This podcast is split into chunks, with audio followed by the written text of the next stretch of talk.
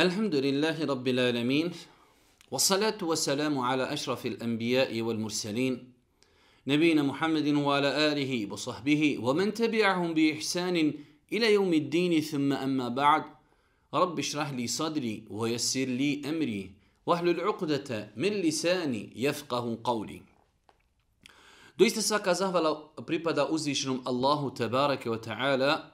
Salavat mir i selam na Allahu poslanika, Allahu binenika Muhammeda, alihi salatu wa salam njegovu častnu porodicu, njegove uzorte ashabe i sve ljude koji slijede put istine do sudnjega dana. Uvažena braćo, poštovani sestre, uvaženi gledatelji, evo nas u još jednoj emisiji u kojoj se družimo sa odabranim kuranskim ajetima.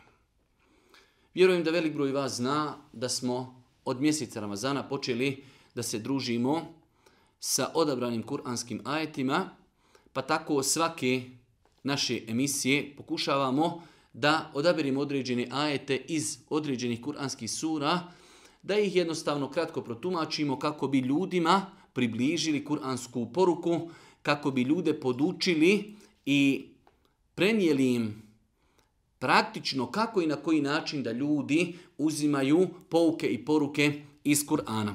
Večeras, evo, družimo se sa surom Eš-Shu'ara, a to je 26. sura, 26. sura u Kur'anu. Mi se, evo, lagano približavamo kraju druge trećine Kur'ana. Približavamo se lagano kraju druge trećine Kur'ana, znači sura Eš-Shu'ara, 26. sura. Mi smo rekli da u Kur'anu ima 114 sura, ali su sure, znači, eh, u prve dvije trećine Kur'ana mnogo duže, po znači desetak, pa i 20, pa i 30 stranica, dok eh, znači sure koje su na kraju Kur'ana su mnogo kraći. Ova sura, kada je u pitanju redoslijed objavljivanja sura Božijem poslaniku, alaihi salatu wasalam, ona je 47. sura koja je objavljena Božijem poslaniku, alaihi salatu wasalam. E, ona je objavljena nakon sure El Waqi'a, a nakon nje je objavljena sura En Neml, koju ćemo mi, ako Bog da, sutra komentarisati. Ova sura ima e, 227 ajeta i ona je po mišljenju E, velikog broja mufesira, Mekanska sura, znači objavljena je u Mekki. A rekli smo da period Mekke ima svoje specifičnosti, a period Medine ima svoje specifičnosti. Islamski učenjaci su kazali da sve što je objavljeno u Božijem poslaniku prije Hidže smatra se mekanskim periodom objave, a sve što je objavljeno nakon Hidže smatra se da je objavljeno u medijinskom periodu, pa makar to bilo objavljeno i u Mekki, kao što su ajeti koji su objavljeni vani Božijem poslaniku u vremenu kada je bio na oprosnom hađu, ti ajeti se smatraju da su objavljeni u medijinskom, medijinskom periodu.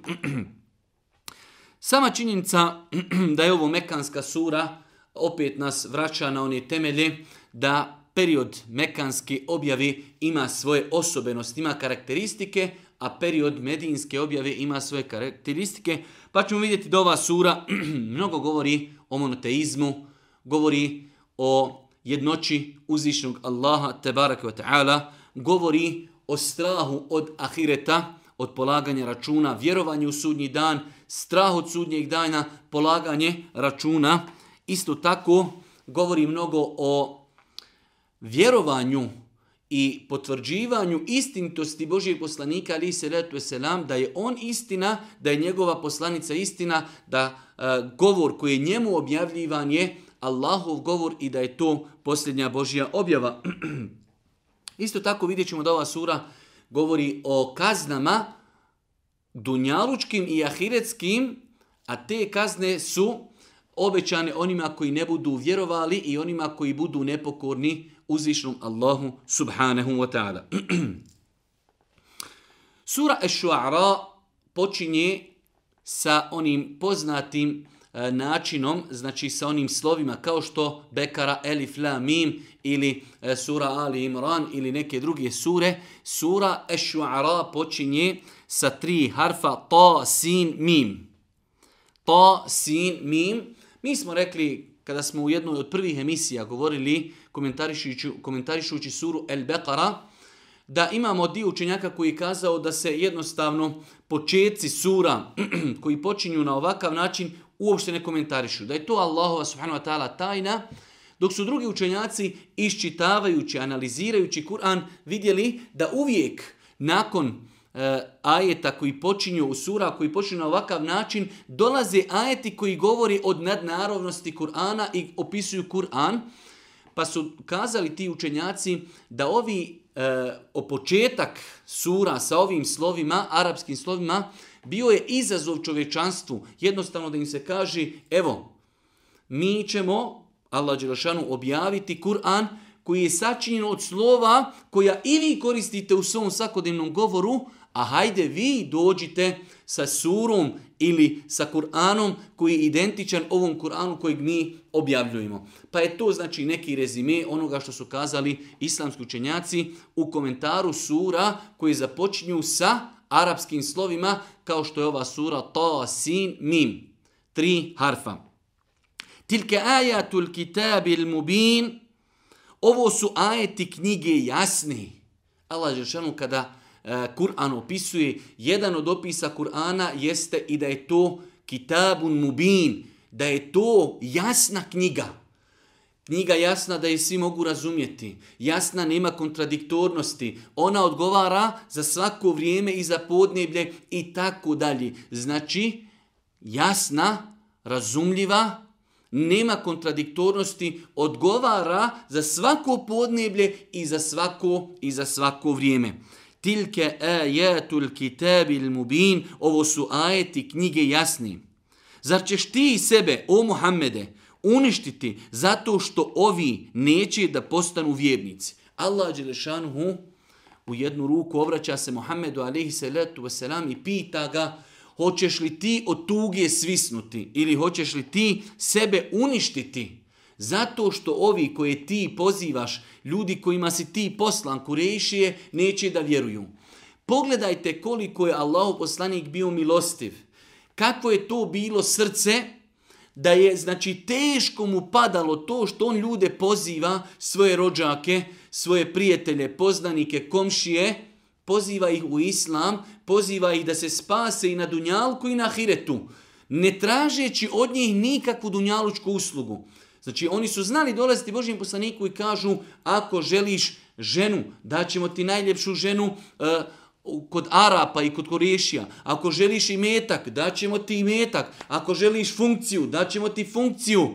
Ali Muhammed alihi salatu wasalam ništa od njih to nije tražio. Tražio je samo da povjeruju u ono o čemu ih poziva, da se spase i na dunjalku i na hiretu. Jer vjerovanje u Allaha donosi spas na dunjalku i na hiretu. Kako na dunjalku? Pogledajte ljude koji ne vjeruju danas. Kakav je njihov život? Kako, su se, kako se odaju grijesima, nemoralu, prevari i tako dalje. Pa je znači udaljavanje od uzvišnog Allaha subhanahu wa ta'ala propast na dunjaluku, a nakon toga, nakon smrti, nakon proživljenja dolazi dolazi još veća propast, a to je propast na ahiretu. Pa kaže uzvišeni Allah, la'alleke bahi'un nefseke, alla yakunu mu'minin. Zar ćeš ti sebe uništiti? Zar ćeš od tuge svisnuti? Zato što ovi neće da postanu vjernici. Allahu akbar. Pogledajte milost Božijeg poslanika. وَمَا أَرْسَلْنَاكَ إِلَّا رَحْمَةً لِلْعَالَمِينَ A mi te nismo poslali osim kao milost svjetovima. Ta njegova milost se ogledala da mu je mnogo teško padalo što ljudi ne prihvataju istinu. Povrh svih tolikih dokaza, jasnih muadžiza, znači nešto što je veoma teško objasniti, ljudi povrh svega toga nisu vjerovali, a to je teško padalo Muhammedu alihi salatu wasalam. pa su ovo bila prva tri ajeta sure Eš-Shu'ara, pjesnici. Ova sura e, govori nam o više poslanika i govori e, o tome čemu su oni pozivali svoj narod i govori o razlozima zašto su uništavani njihovi narodi. E, pa govori o Musau, pa govori o Ibrahimu, pa govori o Hudu, pa govori o Salihu i govori o Šuajbu i tako dalje. Pa ćemo mi e, pokušati odabrati određene ajete, doista možda e, E, ova sura mi je bila jedna od najtežih kada je u pitanju odabir ajeta, šta da odaberim, ono što bi, e, hajde da kažemo, nama bilo potrebno i interesantno, ovu suru bi trebalo protefsiriti kompletnu, pa da čovjek dobije kompletnu predstavu o čemu ova sura govori.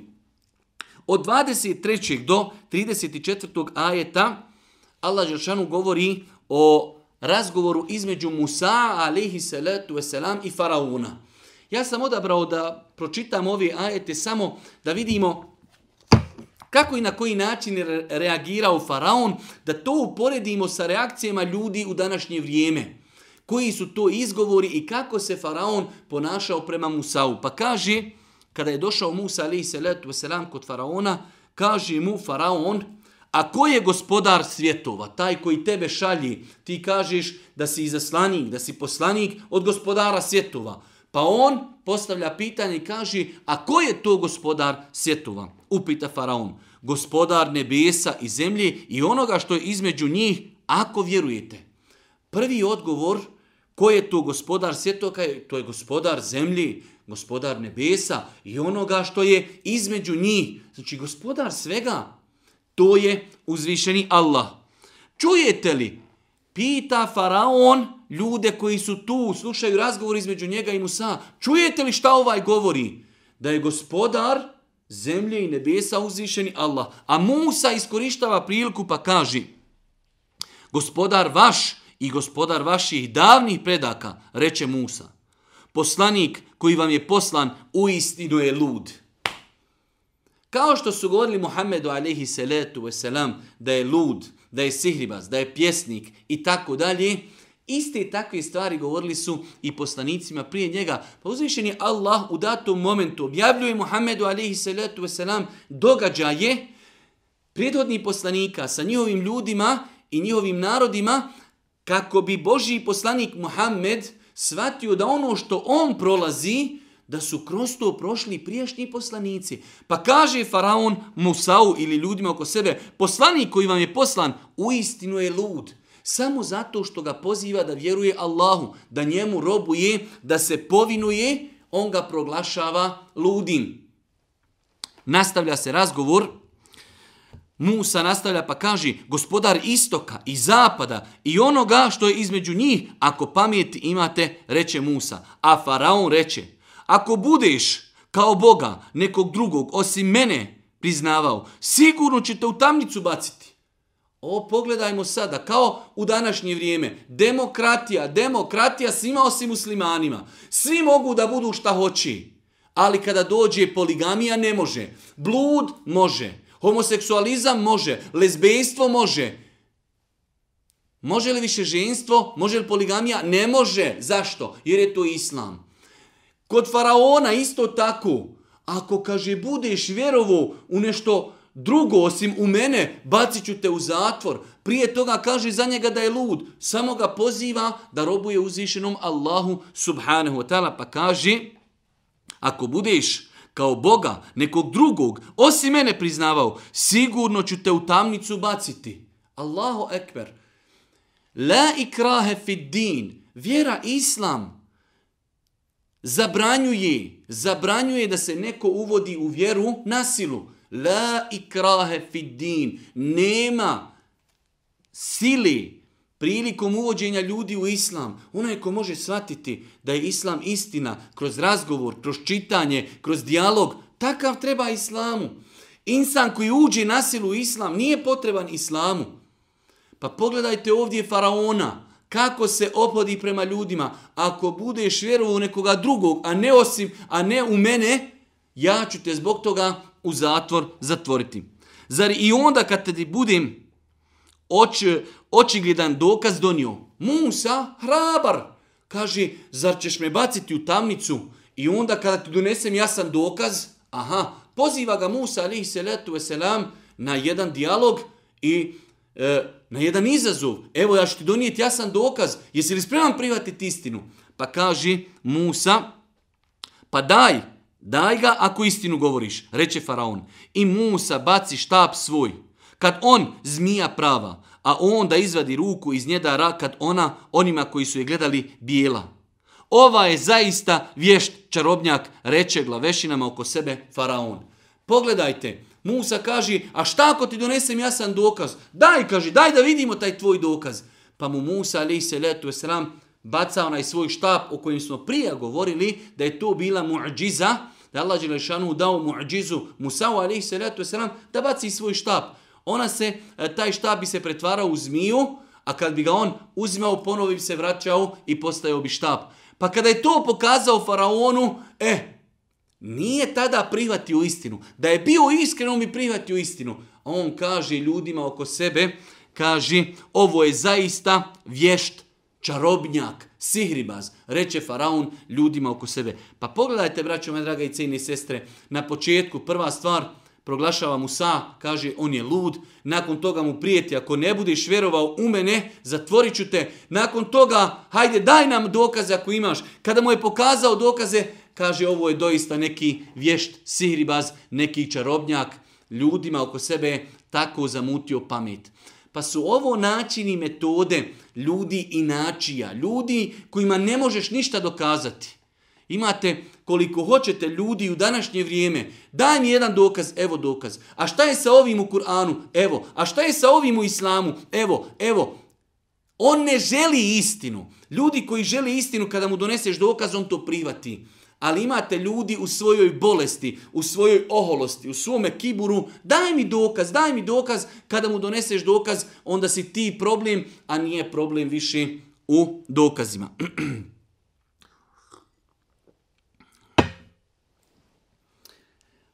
Ova sura govori o onom poznatom događaju između Musa, kako su, sihri, eh, kako su ljudi koji su došli da se natječu protiv Musa sihribazi, kada su vidjeli njegovu muđizu, primili su islam. Ali ovdje opet mi smo o tome govorili, ali uvijek kada uzvišeni Allah Đelešanu ponavlja određen događaj na drugom mjestu u Kur'anu, u drugoj suri, uvijek ima neka dodatna korist.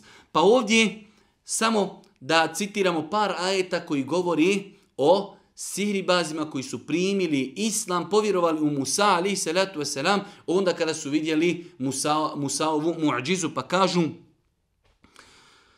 i rekoše sihribazi, mi vjerujemo gospodara svjetova, gospodara Musaova i Haruna.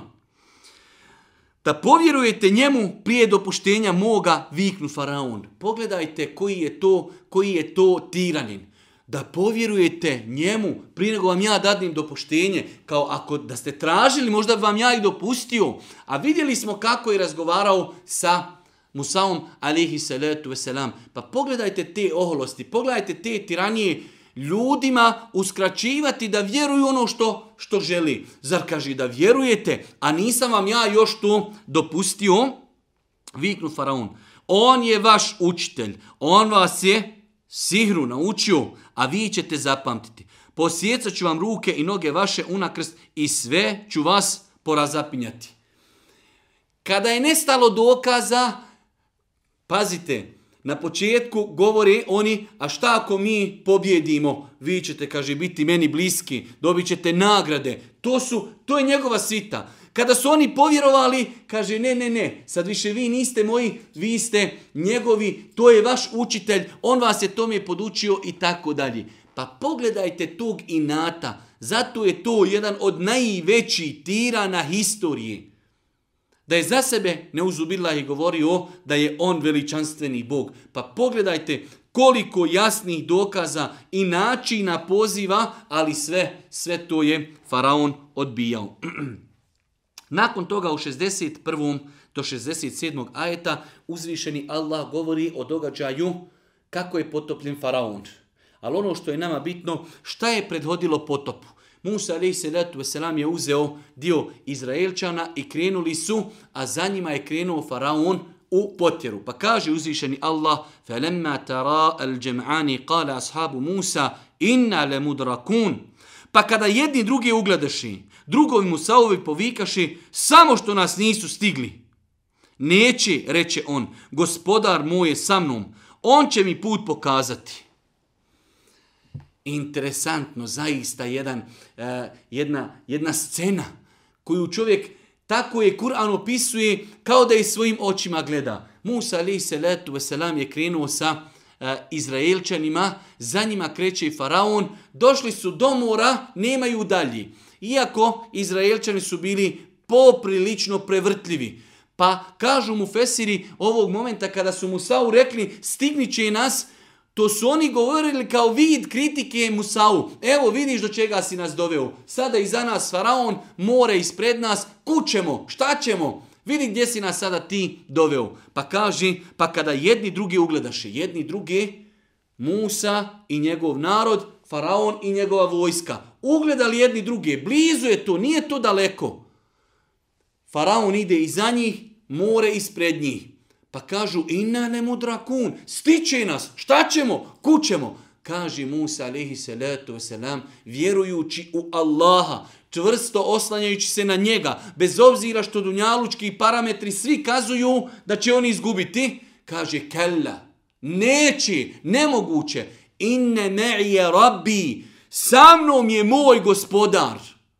Sa mnom je, misli se, znači Allah Žešanu svojim znanjem, svojom pomoći, uzvišeni Allah s.w.t. je iznad Arša, iznad sedmog neba. Ali Allah to sve vidi, Allah to sve čuje, Allah pomaže svoje istinske robove. Pa kaže Musa, alihi salatu wasalam, pun jeqina, pun vjerovanja, čvrsto ubijeđen, kaže, kalla, nemoguće, neće nas stići.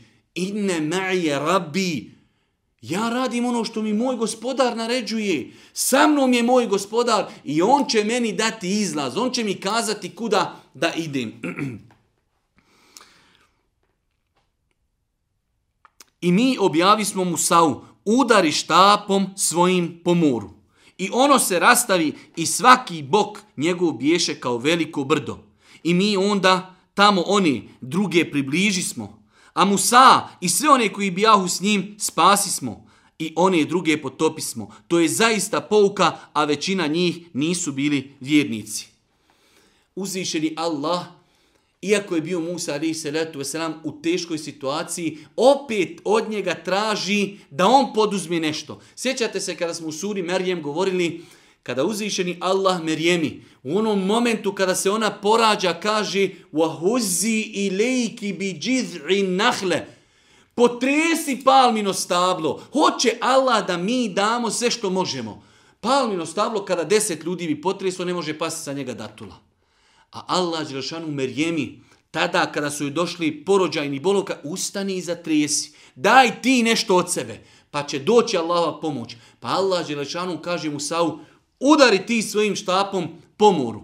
Moglo je se more eh, da se raspoluti i raspolovi bez udarca štapom, ali hoće uzvišeni Allah od Musa da to on uradi. Udari, kaže, svojim štapom po moru, pa je se more rascijepilo na 12 prolaza. Pošto je sa njim bilo 12 plemena koja su išla iz Benu Israila, za svako pleme je bio poseban prolaz. A kaže uzvišeni Allah, znači e, voda kroz koju su oni prolazili bila je ketaudil azim, kao velika brda.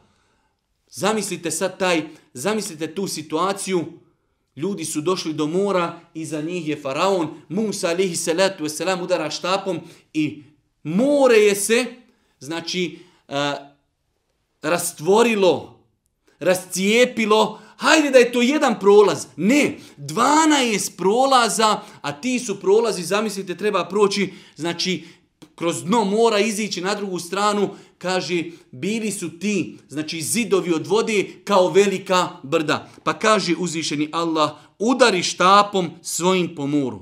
I ono se rastavi i svaki bok njegov bija, bijaše kao veliko brdo. Čak kažu mu fesiri da uzvišeni Allah dao da oni kroz tu vodu vide jedni drugi kako se e, ne bi što bi rekao sikirali i brinuli jedni za drugi. Da li smo samo mi se spasili, naše pleme, ili su svi ostali se spasili? Pa je uzvišeni Allah dopustio Musa'u alihi salatu wasalam da sa svojim narodom prođe po suhom. Došlo je u jednom kuranskom ajetu, znači klauzula, provedi Musa svoj narod po suhom. Allahu ekber. Mi kada bi danas uradili, kada bi mogli, rascijepiti more, zemlja bi dole ispod bila vlažna. Ne, Musa alaihi salatu wasalam, kada je muđiza od Allaha, kaže provedi svoj narod po suhom. Pa kada je zadnji čovjek koji je bio sa Musaom izašao, a posljednji čovjek koji je bio sa faraonom ušao da slijedi Musa, Allah je dopustio da se ponovo more, da se ponovo more vrati u svoj prvobitni e, stadij, pa je potopljen faraon i svi oni koji su bili sa njim. Određen broj ljudi još su imali sumnju je li moguće da faraon, jedan takav, eh, hajde da kažemo, tiranin, da može biti utopljen, pa je uzvišeni Allah dozvolio da more izbaci njegovo tijelo i da ga vide i da ga vide kako je utopljen. Pa nam ovi ajeti doista pokazuju, pokazuju šta znači oslonac na Allaha, šta znači da poduzmemo mi sve od sebe, šta znači Allahova pomoć, šta znači kada uzvišeni Allah subhanahu wa ta'ala pomogne svoje robove.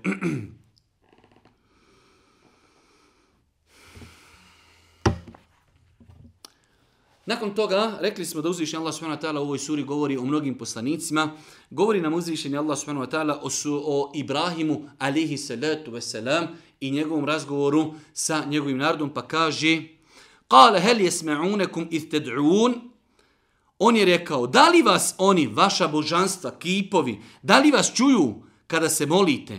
Ili da li vam mogu koristiti ili naškoditi? Ne, odgovoriši, ali smo upamtili pretke naše kako tako postupaju. Ja sam zbog toga i citirao ovaj ajet, razgovor između Ibrahima alaihi salatu wasalam i njegovog naroda, on je želio racionalno da ih podstakne na razmišljanje. Da li kaži vas, vaši bogovi kojima se vi klanjate i robujete, da li čuju, da li vam mogu pomoći, da li mogu odmoći, da li kako štetu vam mogu nanijeti? Ne, znaju oni ne! Kamen, oni ga rukama svojim isklesali, kako će koristiti ili kako će štetu neku od insana odagnati? Pa kažu ne. Ali šta je njihov dokaz? Zašto to oni radi? Mi smo, kaže, zatekli naše predake da tako radi. I to je problem planeti. To je problem kod ljudi što se ljudi boje nečega novog. Boje se nečega novog. Došao nam islam. Dobro, daj da vidim šta je taj islam. Daj mi Kur'an. Daj mi sunnet Božijeg poslanika. Slična je stvar i sa novotarijama. Kada u određenom podneblju se pojavi novotarije, pa dođe neko ko želi da te novotarije iskorijeni, pa ljudi kažu, ne, ne, ne, mi smo ovako naučili. To je najjači dokaz. Nema drugog dokaza. Dokazi, pogotovo dokazi Islama su Kur'an i sunnet vidimo da je to ta, hajde da kažemo, da je to taj način dokazivanja historijski. I danas velik broj ljudi, kada mu predočiš istinu, Muhammed alihi salatu sam, Kur'an, e, autentičnost, dokazi i tako dalje, originalnost, sve jest u redu, ali ja slijedim svoje predake. Pa je ovo znači jedan veliki historijski problem kod ljudi što im je teško da ostavi ono na čemu su zatekli svoje svoje predake.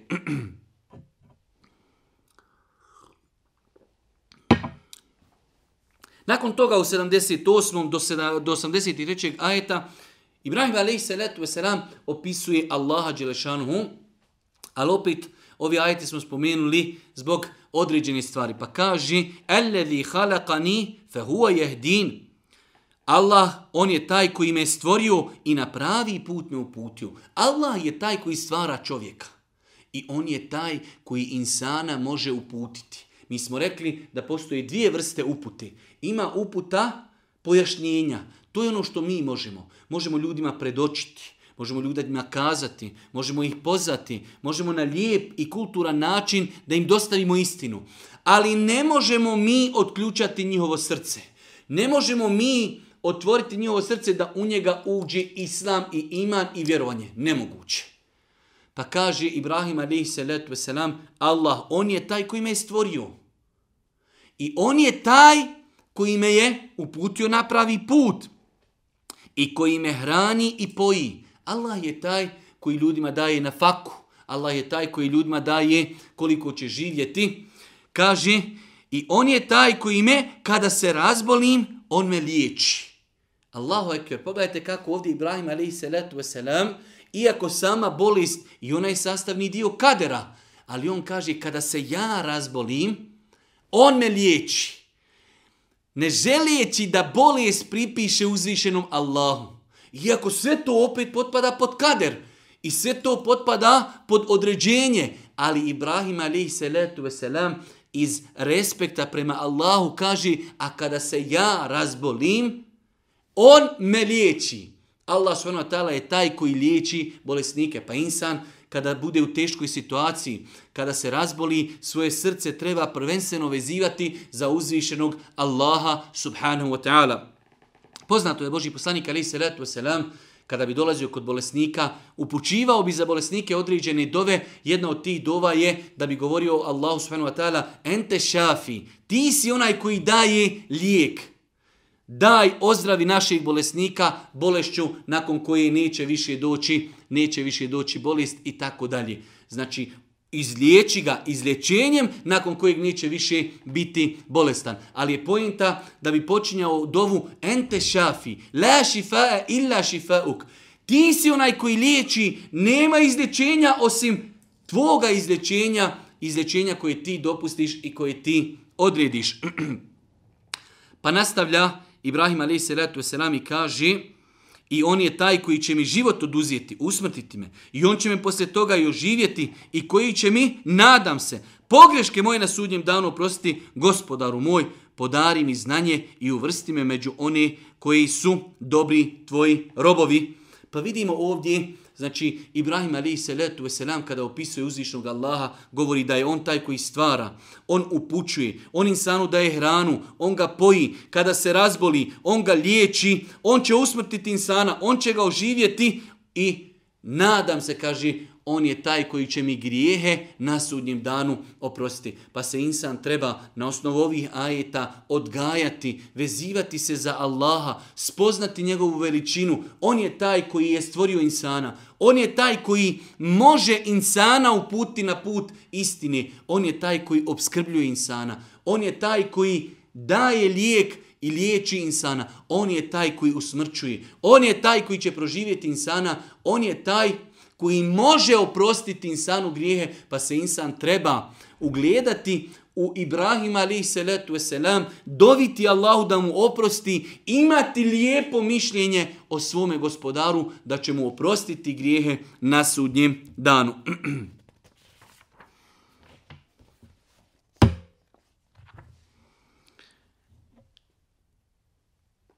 Kaže se u 87. 8. i 9. ajetu da nastavlja se ovim dovama Ibrahima alaihi salatu wasalam وَلَا تُخْزِنِ يَوْمَ يُبْعَثُونَ يَوْمَ لَا يَنْفِعُ مَالٌ وَلَا بَنُونَ إِلَّا مَنْ أَتَى اللَّهَ بِقَلْبٍ سَلِيمٍ I ne osramoti me na dan kada će ljudi oživljeni biti. Na dan kada neće nikakvo blago, ani sinovi od koristi biti. Samo će onaj koji Allahu srca čista dođe spašen biti. Allahu ekber. Dova gospodaru, nemoj me poniziti u tom najbitnijem danu u, u, u, u našem životu, a to je dan polaganja računa. Nemoj me gospodaru tada poniziti. Gospodaru, oprosti, oprosti mi grijehe. E, opisuje on taj dan.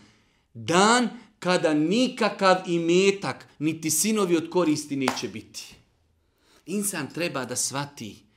Dok smo na Dunjaluku, ovo je njiva. Ovo je naše polje u koje mi sijemo. Rezultate ćemo vidjeti na sudnjem danu.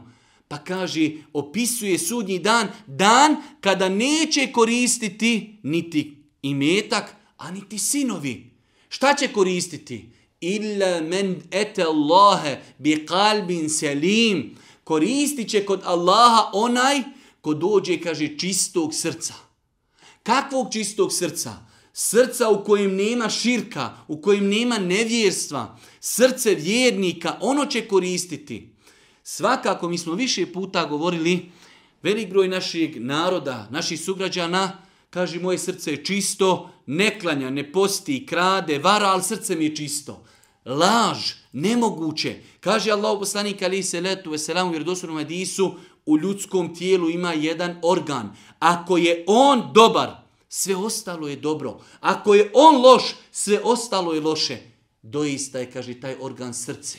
Ako imamo srce koji vjeruje u Allaha, vjeruje u sudnji dan, vjeruje u džennet, vjeruje u džehennem, boji se džehennema, onda će insan sigurno, zbog tvog svog vjerovanja, biti pokuran uzvišenom Allahu. Pa ono što će na sudnjem danu koristiti čovjeku jeste dolazak pred Allaha čistoga srca, mu'minskog čistog srca koje je vjerovalo u uzvišenog Allaha subhanahu wa ta'ala i koje je bilo pokorno uzvišenom Allahu u onome što mu je naredio, to je činilo i onome što je zabranio, pa je to i ostavilo. pa je mnogo bitno da insan, još dok je na Dunjaluku, posveti mnogo pažnje svome srcu. Jedna od najopasnijih stvari koju treba paziti, a vezuje se za srce, jesu ljudski grijesi. Kao što je došlo u vjerodostojno disma da Allah poslani kaže kada čovjek uradi grijeh, kaže na njegovo srce se stavi jedna crna tačka. Pa ako se on kaže pokaji, to se izbriše, ispolira. Ali ako se ne pokaji, tačka po tačka, tačka po tačka, njegovo srce pocrni od grijeha.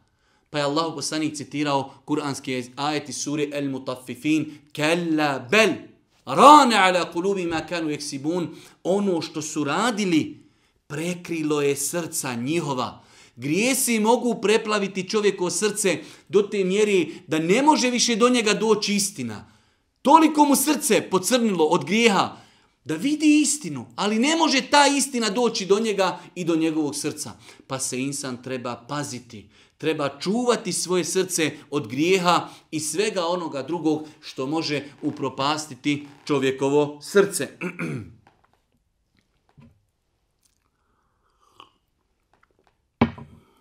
Nakon što je Allah govorio o Musau, nakon što je govorio o Ibrahimu, počinje po nekoliko ajeta da govori o određenim poslanicima.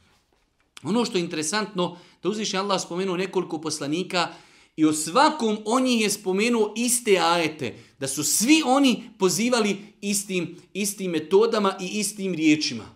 A nakon toga opet bi spomenuo specifičnosti svakog odnog, od njih. Pa kaže, Kezebet qavmu lutin il murselin, iz kale lehum ehuhum nuhun, ela tettakun, inni lekum rasulun emin, fattakullahu wa وما أسألكم عليه من أجر إن أجري إلا على رب العالمين Uzvišnji Allah govori o Nuhu, A svi ovi ajeti koji su spomenuti o Nuhu a.s. spomenuti su i u narednim poslanicima, pa to više nećemo ponavljati. Kaže, i Nuhov narod je smatrao lažnim poslanike. Ovo je mnogo bitno. Islamsko vjerovanje je takvo da čovjek mora vjerovati u sve poslanike. Negirati jednog poslanika znači negirati sve poslanike. Pa Allah Đelešanu, kada govori o Nuhu, ali i selam njegovom narodu, iako je Nuh, ali i selam poslan svom narodu jedan poslanik, kada u njega nisu povjerovali, Allah spominje da su oni time negirali sve druge poslanike. Pa kaže, i Nuhov narod je smatrao lažnim poslanike, iako im je poslan samo Nuh. Pa mi muslimani, sastavni dio vjerovanja jeste vjerovanje u poslanike. Nije rečeno vjerovanje u Muhammeda, ne. Mi vjerujemo u Muhammeda, ali vjerujemo u sve poslanike kroz historiju. Od Adema a.s. do Muhammeda. Muhammed a.s. je najbolji. On je pečat svih poslanika. Njegova poslanica derogirala je prijedhodne poslanice, ali mi muslimani vjerujemo u istinitost svih poslanika da su bili poslani od uzvišnog Allaha, da su pozivali Allahu, da su pozivali monoteizmu, da su pozivali teuhidu, da su ljude podučavali tome kako i na koji način da robuju uzvišnom Allahu. Pa da čujemo kako Allah opisuje e, znači Nuha alaihi salatu wasalam. Pa kaže, kada im brat njihov Nuh reče, kako to da se Allaha ne bojite? Sve ove riječi iste su govorili drugi poslanici. Ela te tekun, zar se ne bojite Allaha? Vidite kakve grijehe činite, vidite nemoral, vidite širk, vidite li kufr, Zar se ne bojite uzvišenog Allaha, gospodara zemlje i nebesa? Kako to da se Allaha ne bojite? Ja sam vam sigurno poslanik pouzdan, zato se bojite Allaha i budite poslušni meni. Svi poslanici su govorili mi smo od Allaha, budite poslušni poslaniku u onome što od vas traži, jer vam on dostavlja ono što mu naređuje njegov gospodar. وَمَا يَنْتِقُ عَنِ الْهَوَا إِنْ هُوَ إِلَّا وَحْيٌ يُوحَا On ne govori po hiru svome, Muhammed, već je to objava koja mu se objavljuje. Pa svi poslanici su imali objavu, pa kada se čovjek pokori poslaniku, on je na taj način pokoran i svome gospodaru. Za ovo od vas ne tražim nikakve nagrade. Mene će gospodar svjetova nagraditi. Svi poslanici su govorili ove riječi. Ponavljam ove riječi koji su svi poslanici govorili. Kada bi brat njihov Nuh reče, kada im brat njihov Nuh reče, kako to da se Allaha ne bojite? Ja sam vam sigurno poslanik pouzdani, zato se bojte Allaha i budite poku, poslušni meni. Za ovo od vas ne tražim nagrade nikakve, mene će gospodar svjetova nagraditi. Znači, Nuh alihi salatu wasalam poziva ih, na početku Allah Đelšanu kaže da su oni negirali poslanike, jer nisu povjerovali u jednog poslanika. Onaj ko ne povjeruje u jednog poslanika, na taj način negira sve druge poslanike. Pa danas, elhamdulillah, na planeti, mi muslimani vjerujemo u sve poslanike. Mi vjerujemo i u Musa, alihi salatu wasalam, na kojeg se pozivaju židovi. A mi vjerujemo i u Isusa, alihi salatu wasalam, na kojeg se pozivaju kršćani. A oni, vjeruju li oni u ono što mi vjerujemo? Apsolutno da ne vjeruju.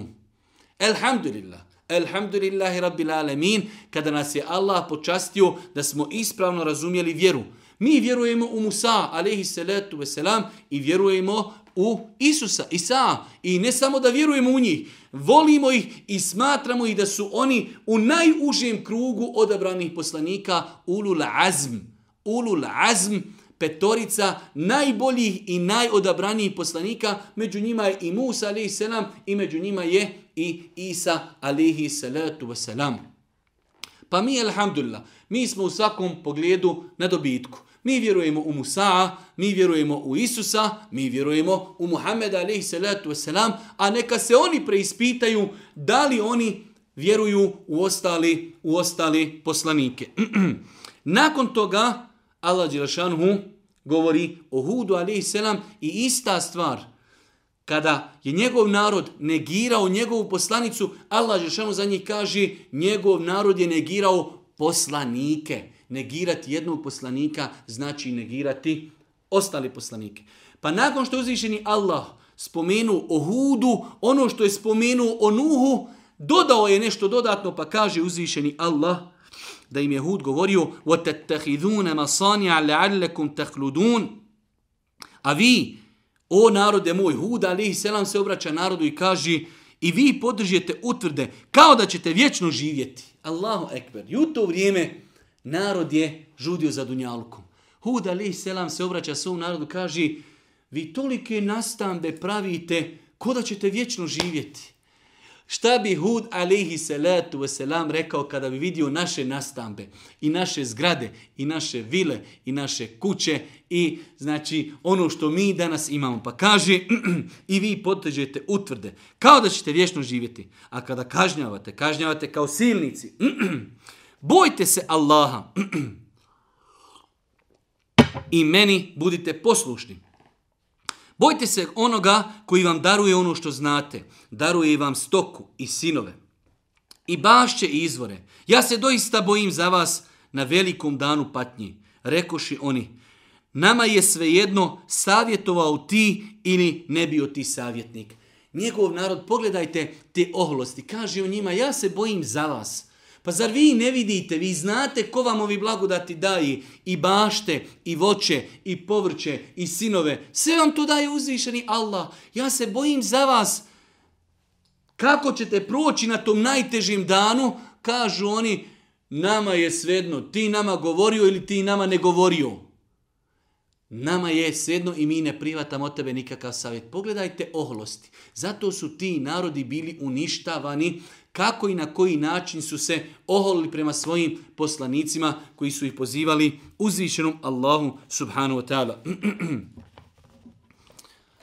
Nakon toga uzvišeni Allah govori o Salihu alaihi salatu wasalam pa kaže Zato se bojite Allaha i poslušni meni budite.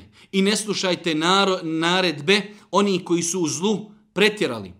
Koji na zemlji ne zavode riječ, e, red, već nered uspostavljaju.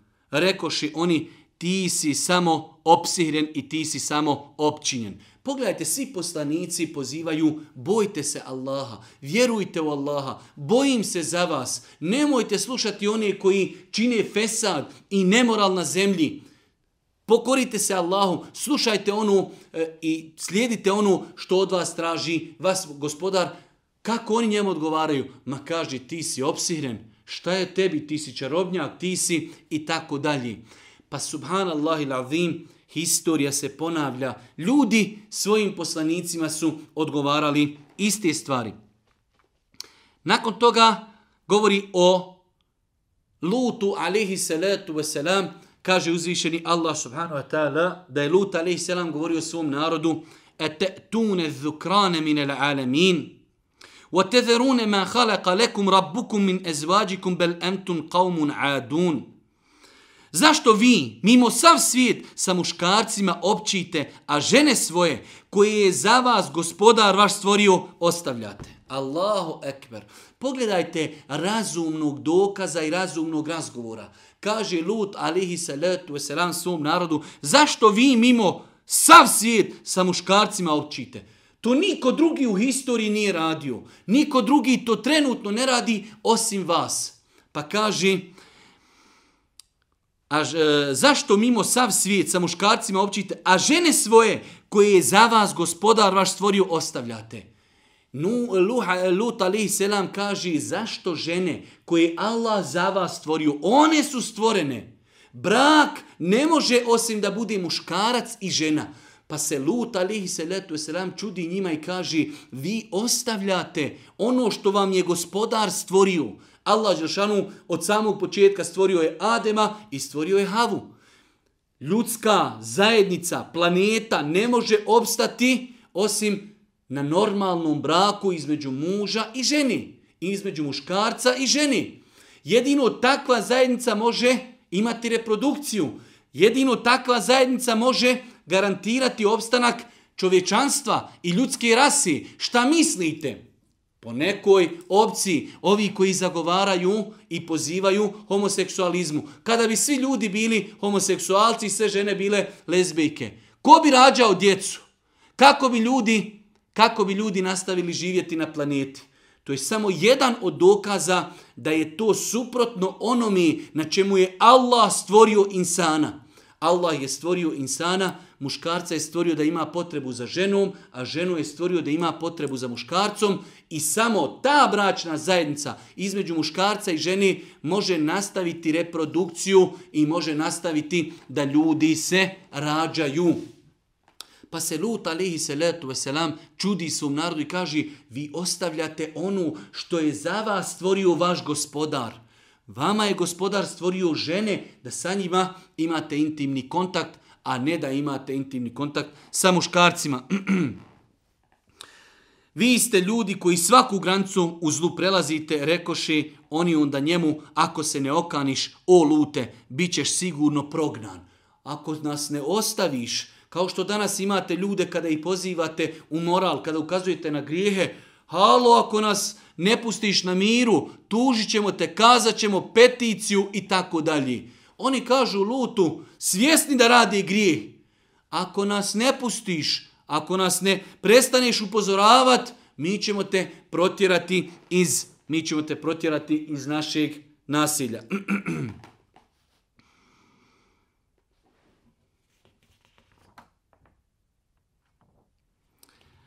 Nakon toga uzvišenje Allah govori o Šuajbu, alihi salatu wasalam, kako i na koji način je on pozivao svoj narod. E, svakako, e, narod Salihov, narod e, Hudov, narod Lutov, sve su to narodi koji su bili nepokorni Allahu i zbog toga uništeni. Nakon toga pogledajte čemu je pozivao Šuajb alaihi salatu wasalam svoj narod svakako sa onom osnovnom misijom da ih je pozivao da robuju uzvišenom Allahu. Pa kaže Šuajb alaihi salatu wasalam je govorio narodu pravo mjerite na litru i ne zakidajte, a na kantaru ispravno mjeru mjerite. Allahu ekber i kada vagate, ispravno vagajte. I kada mjerite onom drugom mjerom koja je poznata danas kod Arapa kao kejl, znači eh, jednostavno saa i kejl, eh, znači postoje razno razne te starinske mjere, neke su u litrima, neke su u, e, znači, u težini, ali kaže eh, Šuajba alaihi salatu wasalam, E, pravo mjerite na litru i ne zakidajte, a na kantaru ispravnu mjeru mjerite. I ljudima prav, i ljudima prava, prava njihova ne umanjujte. Nemojte ljudima omalovažavati njihovu robu. Ako čovjek ima nešto što vrijedi e, 5000, nemoj mu zato davati e, 500, zato što, što je to omalovažavanje njegove robi. Pa kaže Šuajba alaihi salatu wasalam, kada trgujete, kada međusobno razmenjujete robu i na litar i na kantar, pazite, jer je u to vrijeme, znači narod se odao varanju prilikom trgovine, prilikom međusobnog poslovanja, pa je upozoravao svoj narod da se mora paziti i takvih stvari. Nažalost, evo i mi danas, i mi danas možemo konstatirati kada je u pitanju trgovina, u široj nekoj razmjeri, pogledajte samo trgovinu nekretninama, trgovinu autima, trgovinu voćem, povrćem, u svemu tome su ljudi, znači, baš ispekli zanat, kako i na koji način se može varati. Pa kaže, pravo mjerite na litar i ne zakidajte, a na kantaru ispravnu mjeru mjerite. I ljudima prava njihova ne umanjujte i zlo po zemlji nered pravići ne činite. Nemojte nered na zemlji činiti tako što varate jedni drugi kada trgujete. Nakon što je uzvišeni Allah govorio o više poslanika i načinima kako su pozivali svoje narode, šta je bio razlog uništenja njihovih naroda, počinje govoriti u 192. ajetu do 201. ajeta govori o Kur'anu pa kaže i Kur'an je sigurno objava gospodara svjetova. Kur'an je sigurno objava gospodara svjetova. Koliko puta se u Kur'anu ta teza ponavlja. Kur'an je govor uzvišenog Allaha. On ga je objavio. I opet nakon toga vam dođu oni ljudi, jednostavno koji ponavljaju, ponavljaju one otrcane fraze. Muhammed je napisao Kur'an. Kur'an je prepisan iz Biblije, iz vrata i tako dalje. A ljudi nisu nikada otvorili Kur'an pa da pročitaju ono što piše u Kur'anu. Pa kaže uzvišeni Allah i Kur'an je sigurno objava gospodara svjetova. Nema u to sumnje nikakvi. وَلَوْ كَانَ مِنْ عِنْدِ غَيْرِ اللَّهِ لَوَجَدُوا فِيهِ اِخْتِلَافًا كَثِيرًا A da je Kur'an od nekog drugog, a ne od Allaha, oni bi u njemu našli mnogo kontradiktornosti i kolizije. Ali ne. Kur'an je od Allaha. Izazvao je cijelo čovečanstvo da smisle samo jednu suru kao kuranska sura. Allah je taj koji je garantovao da će Kur'an ostati autentičan i neizmijenjen sve do sudnjega dana. Pa kaže uzvišeni Allah i Kur'an je sigurno objava gospodara svjetova. Donosi ga povjerljivi džiblir na srce tvoje. Objavljuje ga, spušta ga, donosi ga povjerljivi džibril. Gdje ga donosi? Na srce tvoje, o Muhammede. Allahu ekber. Srce je organ koji prihvata istinu. Srce je organ koji odbija istinu. Pa kaže uzvišeni Allah, Džibril donosi, spušta Kur'an na tvoje srce, o Muhammede. Donosio bi, do, znači objavljivao bi se Kur'an, Džibril bi ponavljao nekoliko puta ajete dok ih ne bi usvojio i dok ih ne bi naučio Muhammed alihi salatu wasalam, da opominješ na jasnom arapskom jeziku. Allah Žešanu, kada šalje poslanike, slao je uvijek kroz historiju poslanike iz naroda, znači u kojem oni žive. Pa je Muhammed alaihi salatu wasalam poslan prvenstveno Arapima, a nakon toga je poslan cijelom čovječanstvu. Zato mi muslimani imamo neraskidivu vezu sa arapskim jezikom. Ne zbog Arapa, ne zbog njihovog uspjeha ili e, dekadencije, ne. Mi imamo vezu sa Arap, Arapima, zbog arapskog jezika, jer je Kur'an na arapskom jeziku, jer su hadisi Božijeg poslanika na arapskom jeziku. do donedavno u historiji naši ljudi, naša ulema pričali su perfektno arapski, pisali su knjige na arapskom jeziku, danas nažalost ljudi uče engleski, uče, a, a, uče njemački i mnoge druge jezike, u redu, nema, nije problem da neko zna više jezika, ali ako možemo naučiti njemački i možemo naučiti engleski, italijanski i španski, Zašto ne možemo naučiti arapski da razumijemo onaj Kur'an, da razumijemo onaj namaz, da razumijemo one hadise Allahovog poslanika onako kako su izrečeni, da se možemo vratiti na literaturu i mezheba, i akide, i hadisa i svega drugog. pa kaže da opominješ na jasnom arapskom jeziku. On je spomenut u knjigama poslanika prijašnjih on je spomenut u knjigama poslanika prijašnjih. On ovdje, znači ova zamjenica, nekim neki mu fesiri su kazali da se misli na Kur'an. Kur'an je spomenut u knjigama poslanika prijašnjih, a opet neki kažu da se odnosi i na Kur'an, a da se odnosi i na Muhammeda alaihi salatu wasalam, pa kaže uzvišeni Allah, zar ovima nije dokaz to što za njega znaju učeni ljudi sinova Israilovih? Zar im nije dovoljan to dokaz? Ljudi koji su učeni od Benu Israila znaju da je Kur'an i da je Muhammed spomenut u prethodnim objavama. Pa je ovo još jedan dodatni dokaz istintosti Muhammeda alaihi salatu wasalam. Pa znači na početku uzvišenje Allah kaže i Kur'an je sigurno objava gospodara svjetova. To je jedna stvar. Kur'an je sigurno objavljen od strane uzvišenog Allaha. Objavljivan je podsredstvom Džibrila koji je donosio objavu Muhammedu alaihi salatu wasalam na čistom, jasnom arapskom jeziku. Zato je Ibn Taymiyyah rahmetullahi alaihi u jednoj od svojih knjiga kazao El-lugatu el-arabijetu mine din. Arapski jezik je sastavni dio vjeri. Ma'rifetuha fardun wajib.